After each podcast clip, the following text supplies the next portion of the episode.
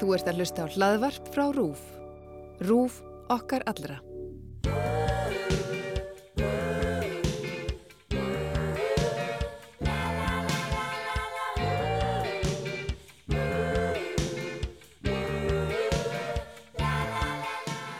Vertu velkomin í með vitjanir á heilanum. Ég heiti Júlia Margret Einarstóttir og fylgi þessum þáttum eftir með því að ræða við aðstandendu þáttana en líka sérfræðingana sem geta gefið okkur insýn inn í það sem vinir okkar í holmafyrði er að ganga í gegnum.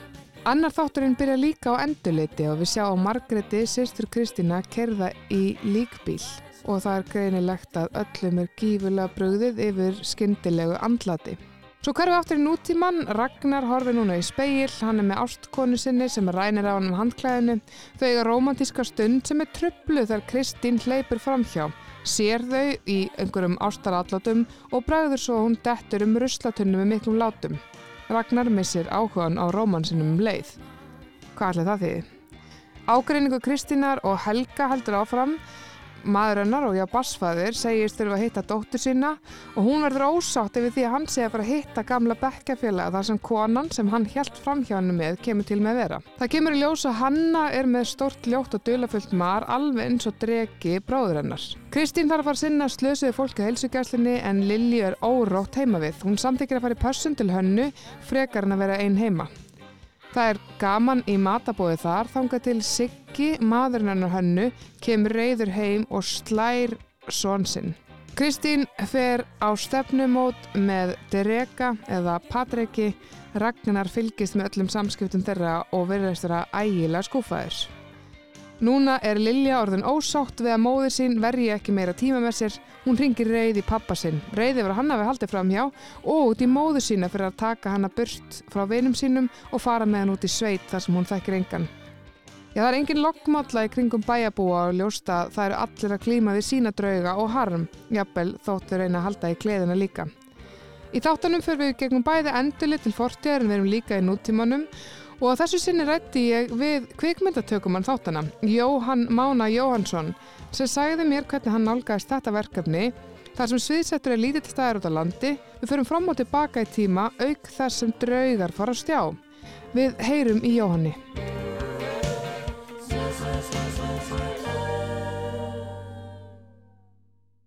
Já, Jóhann Máni Jóhansson og stjórnandi kvikmyndatöku.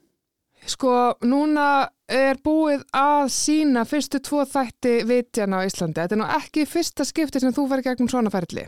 Nei, nei. Um, ég var svona aðeins að hérna, ég vissi svona alveg af þér. Uh, þú ert búin að vinna hérna í húsinu hérna á Rúf og, mm -hmm. en ég kom svona að því að það er bara valla til svo íslenski titill sem að mér finnst þú eitthvað en ekki tengjast. Og þetta eru rosalega ólík verkefni. Getur þú sagt mér bara svona aðeins hvernig, til dæmis bara varðandi bara kveikumundatöku, hvernig byrjar það hjá þér? Já, það byrja nú bara hérna á Rúf. Reyndar ekki hérna á Rúf, það byrja nýra á laugavegi á Rúf Mm -hmm. árið 97.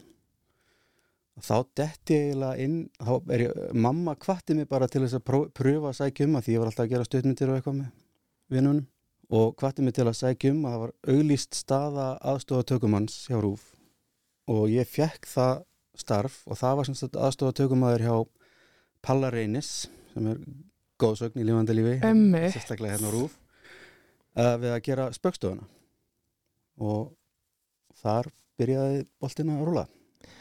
Og ferði kjálfarið, þú veist, ferði eitthvað, hérna, lærður þú svo eftir það eða Nei, hvað gerist? svo lærði ég aldrei Nei, Hef þú bara sjálf lærður. Já, eiginlega Ömmitt. Það einhvern veginn var aldrei tími bara. Ég, ég rætti þetta við marga sem ég var að vinna með sérstaklega þegar ég var á þeim aldrei að það hefði meika fullkomi sens að fara í nám sko. mm en viðbröðin voru yfirleitt bara af hverju? Þú ert komin inn. Já, þú byrjaðar að vinna við þetta. Mhm, þú er bara að taka þér þryggjaða fjár ára frí mhm. frá vinnu. Þannig að það var aldrei neitt að því sko. Áhugavert, þannig að, hvað, þú veist, um hvað ár, hvað ár er þetta? Þetta er á laugaveginum en þá? Já, þetta er 97 Akkurat. Þannig að þetta er orðið svolítið langur tími og mikil um, reynsla sem þú hefur hérna að baki.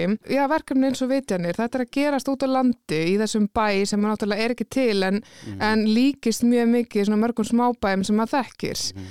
Um, og það er annars vegar það og svo náttúrulega hins vegar, já, við erum að ferðast fram og tilbaka í tíma og svona í þriðja lagi þá er draugagangur. Mhm. Hvernig, hvað er það svona sem þú hefur í huga þegar þú ert að nálgast þessi atriði? Við þurfum náttúrulega ákveða í upphafi sko ætlum við að breyta einhverju þegar við förum í að mynda eitthvað sem gerðist í gamla daga. Mm -hmm.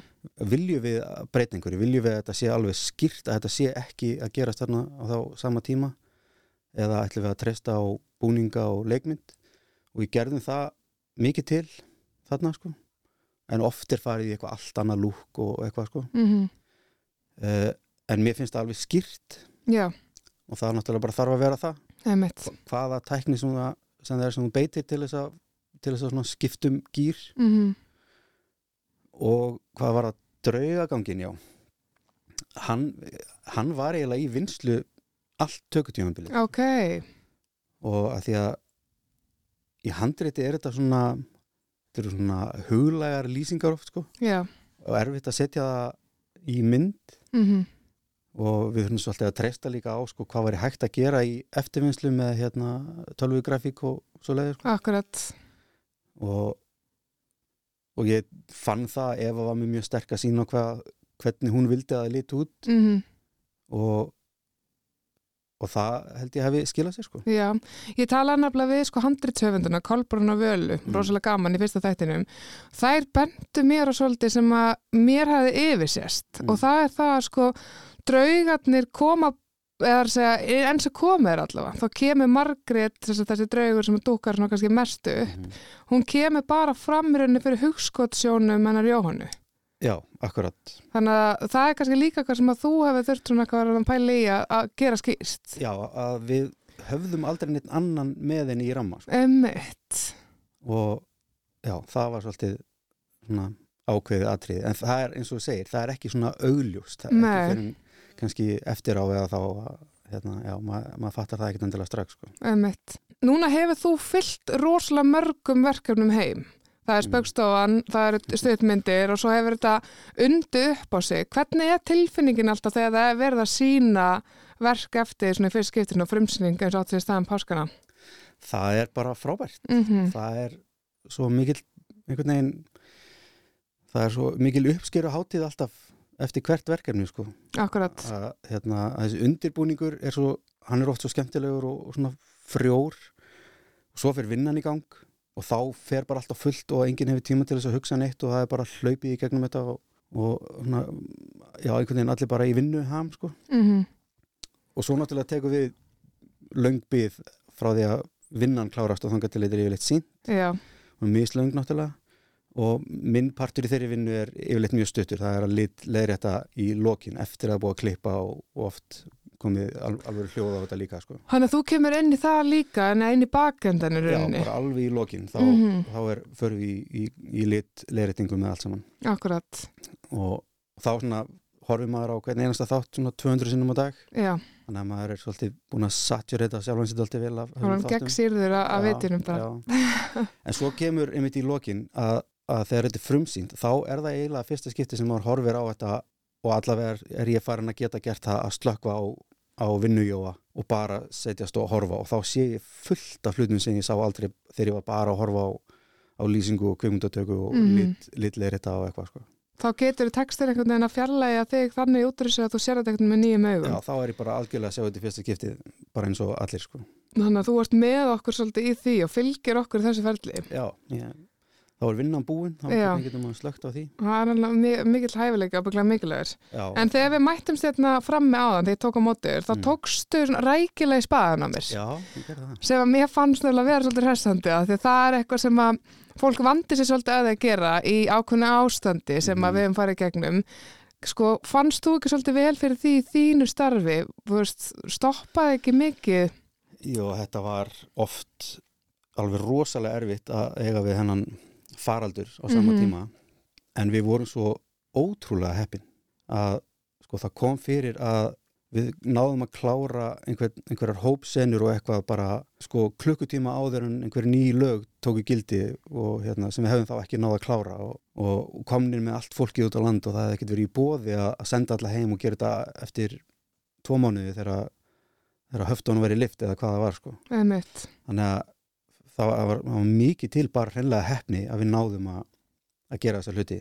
Sko Kolbrunna Vala segði mér frá því í hérna fyrsta þættinum að hérna, það er náttúrulega, sko opnuði sér rosalega mikið fyrir eins og spiritism og handanheimum og okkur svona þegar þær er Mhm. rannsóknarvinnu fyrir þetta sem svo náttúrulega kemur til þín. Uh, og þær segði mér sko að það hefði verið eitthvað alvar og framleiðinir og okkur svona sem hefði verið með ykkur í liði þannig að það geti verið að þau hafi verið eitthvað að tóða einhverja spotta. Ég frétti það, það Við fengum að fylgjast mjög vel með því hverjir Mhm. væru með okkur í liði og hverjir ekki sko. og það já, ég, ég get ekkert sagt annað en bara takk sko. Hérna bara rétt að lokum ég bara hjó eftir því að þarna eru tveir karakterir sem að deila áhagamáli með þér já, Það er náttúrulega Margrét, hérna hinn framleiðina og svo Lilja sem eru báðar um, hafa mikið áhuga á ljósmyndun og er svona svolítið skilgrænandi fyrir þær. Kar, Mhm. Sástu eitthvað svona sjálfa þig að þú veist, varst þú svona sem, sem svona yngri? já, já ég á þessum aldri var ég náttúrulega komin á fullt í að ljósmynda og, Mm og ég bel með videokameru og eitthvað sko. Akkurat. Ég átti reyndar ekki eins flotta myndavel og Nei. átti þáttan og ég sá alltaf fram á það að þegar tökum líki þá get ég fengið að eiga hana en það var fljóðlega sleið út af borðinu en það, já, Já. En varstu þá byrjar, þú veist, ertu einn af þeim sem varst byrjar sem úrlengur að gera einhver svona heimagjara stuttmyndir og okkur svona? Já, við vorum ekki í gamli þegar við byrjuðum að þegar vinu minn, ég held að hann hafi unnið videokameru Vá, í haftrætti eða eitthvað sko. ok.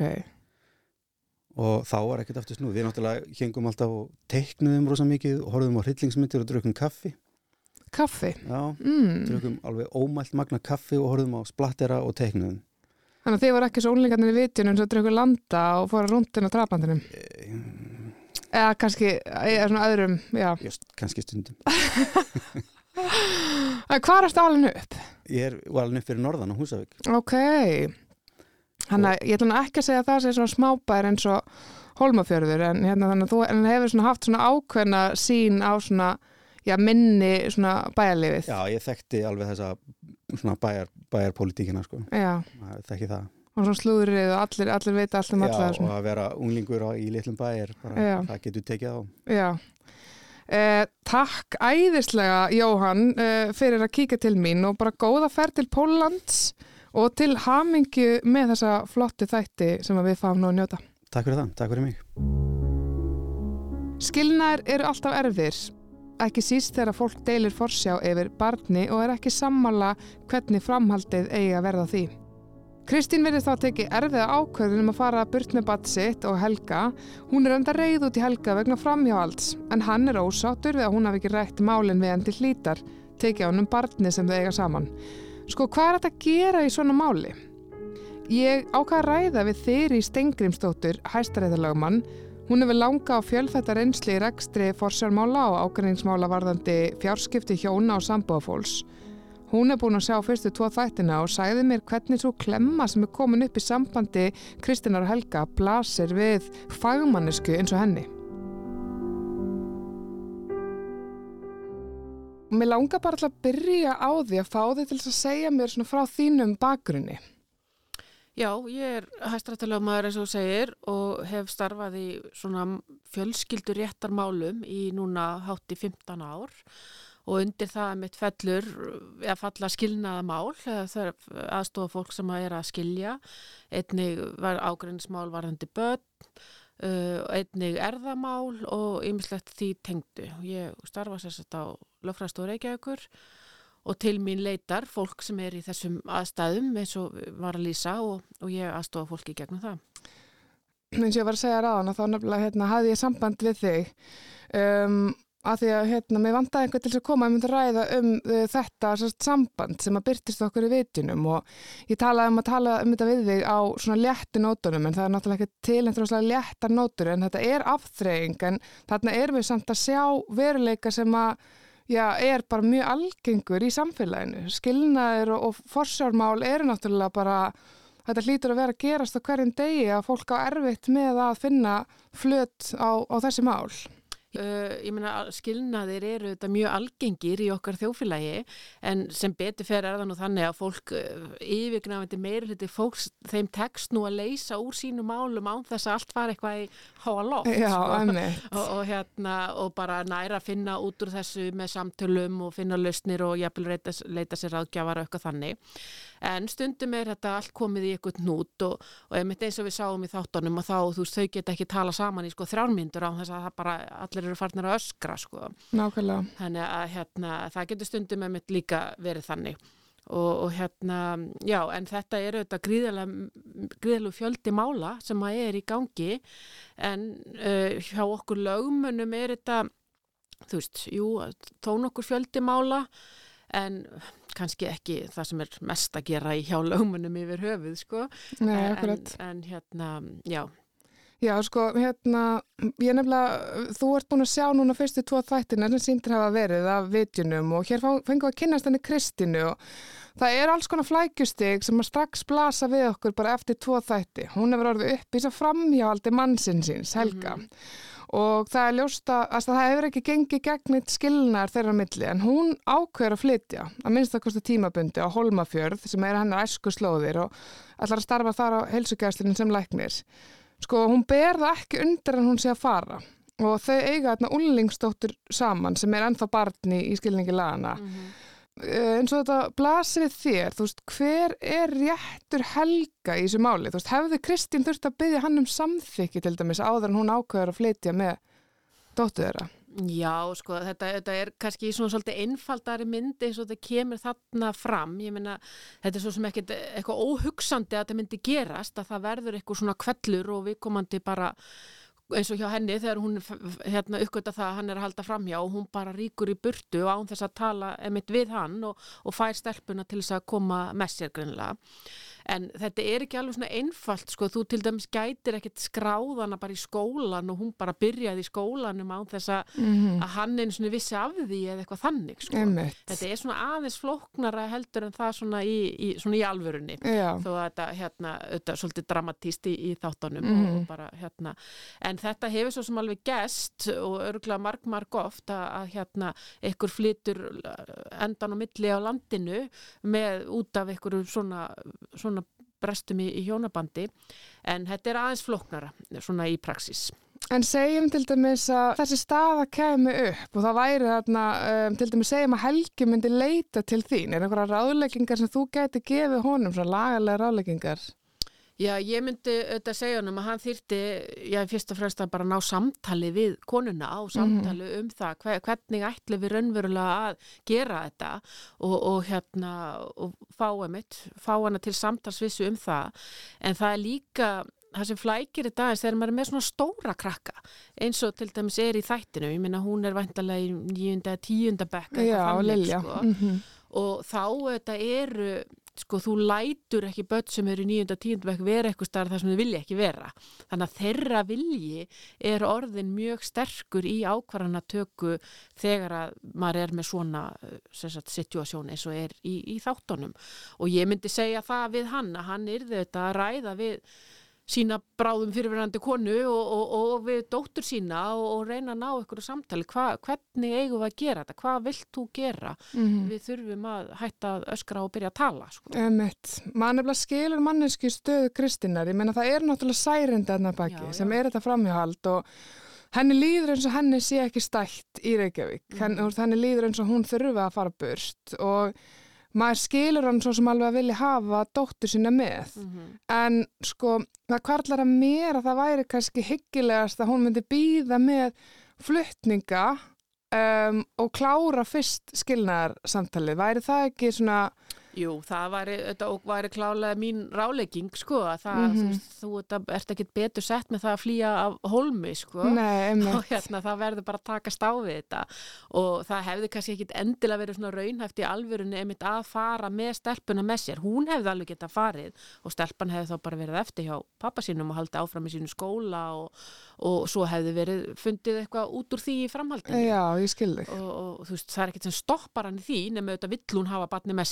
eðlilega eðlilega mhm, en, en þetta svona kannski ég hugsa að flestir hefðu nú aðeins staldra við sko. Mhm, uh, en nema þá það eins og mér fannst að koma fram að stelpan Lilja vildi fara með mömmu sinni hún Einmitt. vildi standa með henni mhm, og er greinlega svolítið innvikluð inn í þeirra mál sem er nú Mhm. kannski ekki mjög gott og maður myndi nú alltaf svona reyna að ráðleggja það að- að halda börnunum utan við málefni foreldranna og hjónaskilnar eins í börn eiga þó að þetta sé orðið þetta stálpubörn að þá eiga þau engan stað inn í þessu samtali nema upp á það að gera að reyna að finna út hvernig barninu líður, hvað það vill hvað, veist, hvað með skólan, hvað með heimili alls ekki auðvitað að setja barni í þá stöðu eins og er svolítið verið að gera þarna, hún á að velja milli. Já, ég er svona ímyndað mér að það er það sem muni kannski gerast í framhaldinu að hún lendir í ykkur klemmu þarna á milli þeirra. Mhm, að því það er það sem að vill nú gætna gerast þegar það eru tekna svona kannski svona vanhugsaðar ákvarðanir sko, með að flytja og skipta og gera eitthvað svona, þá lenda börnin í klemmunni. Já, og maður sér að það sem að Kristín gerir alveg dóttur sinna, hún er alltaf að minna hana á að hún sé best, að hún Já. sé að gera sér greiða með Já. því að gera þetta. Og það er náttúrulega setur kannski barnið í svolítið erfiðar stöðu Já. og svo, einmitt, svo sjáum við að hún, henni líður kannski ekkert eitthvað rosalega vel þarna út á landi og það, það flækir þetta ennþá meira. Já, þetta er nú ekki allt alveg dansa rósum þó þetta fari kannski vel að stað og sé svona skemmtilegt og spennandi á nýjum stað svo fer Mhm. nýja brumið af þessu Einmitt. og emitt, ég tók emitt eftir þessu hún alltaf takk fyrir að standa með mér og eitthvað svona og ég myndi um þetta nú svona ekki alveg til eftir breytni sko, að því að emitt þá er verið að skipa í lið Mhm, og, og hérna og það er svona eitthvað sem að er uh, svo sem, jú, þetta alveg algengt í þessu að fólk svona, það skipast í ykkur lið og sérstaklega þegar verður þegar hjónaskilunum verður með ykkur svona kvelli Já, þá þetta eru mikla tilfinningar og reyði og sárindi og, og eitthvað svona og, og þá er svona tilneying til þess að fara í, lið, fara í liðsöfnuð Mhm. hérna, en gætna þannig einmitt. Það verðist eitthvað, en það bendur ekkert til þess að þau þau sé að fara að ná sáttum og þarna til dæmis uh, eiga þau símtal, hún hérna ræði við Helga í síman þar sem að kemur fram að hann er að fara út að borða þar sem að Mhm. viðhaldi er fara að vera á svæðinu sem gerir hana náttúrulega ennþá reyðari og hún er hérna langt í burstu sko. uh, ég veit að þetta er erfið spurning en svona finn, þegar þú ert komin á þennan stað sem við erum öll komin á þessum þáttum sko er það þín tilfinning að þau munu ná sáttum fólki í, í svona mikill klemmu eða, já Já, ég hugsa það nú sko. Mhm. það hérna þú veist, ég hef þetta, sé þetta hundra sinnum sko og það er sko tíminn líka vinnur með fólki í þessari stöðu, þú veist, Já. það má alveg líða einhver tími þannig að fólk bara svona nái aðeins áttum og nái svona að að settlast og, og hérna og fara að taka ákvarðanir á okkur um svona skinsamlegu nótum og fara að tala saman á okkur um skinsamlegu nótum en emitt ekki bara með því að enda á því að öskra hvort hann að ég þryggja mínna símtali sko. Það hérna, jú, jú, ég sé það nú alveg fyrir mér að þau geti nú svona þegar hlutinni fara aðeins að róast að þau geti nú, nú á nú að vera svona, finnst mér svona bara skinsamt og flott fólk Mhm. en þau eru bara í krísu Emmitt. og það er það sem þetta gerist og það er það sem ég er að vinna með alla daga maður þetta er með fólk í krísu í rauninni, Mhm. þú veist, þú ert á svona mjög viðkvæmum og erfiðu stað í lífinu það er einhver, það er verið að skilja eða það er ágreiningur um börn eða það er einhver ná, nákomin látin eða hvernig sem það er, þetta er alltaf þetta er viðkvæmi tímapunktur í lífinu og, og því fylgja alltaf já, tilfinningar og hvort það eru jákvæðar eða neikvæðar. Og hlutverk mitt sem lögmaður eru þetta oft yfirleitt þannig, ég þetta passa maður því ég fer ekki inn í tilfinningarnar, ég verð að halda mig frá tilfinningunum og veita lögfræðilega ráðgjöf. Og, og það er það sem að mér finnst nú þau og kannski Kristín sérstaklega í þáttanum kannski þurfa hans á að halda. Hún þarf að fá okkur að ráðgjöf frá einhverjum sem er ekki tengdur henni, hún er alltaf að tala hérna við vinkonu sína, hann er símanum. Mhm. Svo, og það er bara sammála um það að hans er ömulegur og hans er svona og hans er hins einn Mhm. en það þetta hjálpar henni ekki neitt skilur, í, í því að horfa aðeins fram á veginn. Hvert er ég að fara með þetta, hvað vil ég? Hvernig ég að leysa úr þessu, hvað er best Mhm. fyrir Lilju? Og það er svolítið það sem að að mér finnst að hlutverk lögmanna sé í þessu og auðvitað svo sem annara ráðgjafa líka, það er að reyna svona leiða fólk aðeins í gegnum þetta og taka tilfinningarnar út fyrir svega. Þú farði eitthvað átlegt fyrir tilfinningarnar einmitt með vinum þínum og vinkonum og svoleiðis en þegar komin, þú þarft samt að fara að hugsa aðeins á praktiskum nótum og taka ákvarðanir bara um, eins og segju, hver, hver ætlar að, hvernig ætlar að hafa þetta, hvað er á stelpan að vera, hvernig ætlar að skipta ykkar egnum og svo framvegs og svo framvegs. Sko, sko einmitt þú talar um þetta með tilfinningarnar, svona skilnaðir og ég tala um það um það börn í spilinni, menn eins og við tölum um þetta er aldrei sársökulust mm -hmm. Og þú þarft einhvern veginn svona að hjálpa fólki einhvern veginn að koma sjónarhóttinu að þessum lagarlegu hlutum sem eru utan tilfinningana. Mm -hmm. Er það ekki svona stór hluta af þinnu vinnu einhvern veginn að greiða í gegnum þetta? Jú, jú, mjög mikið sko og, og það er auðvitað þannig að fólk er ekki að leita til lögmas, til mín eða eitthvað annars til þess að fá okkur á auks til að gráta á sko, þú veist, þú, þú veist og það er ekki mitt hlutverk og, og auðvitað er það nú samt oft hannig að maður hlustar á fólku þetta, þú, fólk vil fá að segja sína sögu og tala við mig og, en, en það kemur nú alveg mjög oft fyrir að ég segi bara, herðu, nú ætla ég að stoppa þig, mm -hmm. þetta er nú mhm. kannski ekki alveg það sem að skiptir máli varðandi mína aðkomu að málinu, nú skulum mm -hmm. við kannski bara huga að þessu og þessu og þessu og fólk auðvitað tekur því bara vel og, og svona fattar það að þetta sé kannski ekki alveg, ég er ekki alveg rétti sérfræðingurinn til að tala um, um þetta og ég er svo mhm. sem alveg óhygg að vísa líka fólki bara á sálfræðinga eða félagsrákjafa mm. eða einmitt, leita til vina og kunningja og virkja stuðningsnetið sitt sko. Akkurat. Og, og hérna og ég, einmitt, að því að við lögumenn sem erum í þessu, við erum ekkert að veist, við hjálpum ekki fólki með því að bara henda okkur að bóla kaf inn í ágreiningin og tilfinningarna. Það, fólk er engin greiði gerður með því. Auðvitað verður maður að hafa skilning á því að fólk er að gangi í gegnum þetta mm. og, og svona meðtaka það en hlutverkið mitt er allt annað og, og, hérna, og leiða fólk áfram svona navigata í gegnum svona þennan feril. Emitt. Já, við vonum að hérna Kristín og Helgi finnir leið og finnir sér fjölþætta aðstof við það að bæði á manneski eins og þér og vonandi einhverjum, já, svona sérfræði aðila sem getur aðstofið með þennan tilfinninga hita sem er að eiga sér stað. Emitt, emitt. Takk innilega þeirri fyrir að koma og ræða þetta við mig og við bara hlökkum til að sjá hvernig fer fyrir þeim e, þarna á holmaferði. Já, takk sem leis, ég hlakka líka til. Þá er það ekki fleira sinni við þetta höldum áform að fylgjast með Kristínu, Helga, Lilju, Jóhannu, bæði lífs og liðnum bæjabúum í Holmafyrði áfram. Ég heiti Júlia Marget Einarstóttir og er með vitjanir á heilanum og verða næstu vikur. Takk fyrir að hlusta, þanga til næst.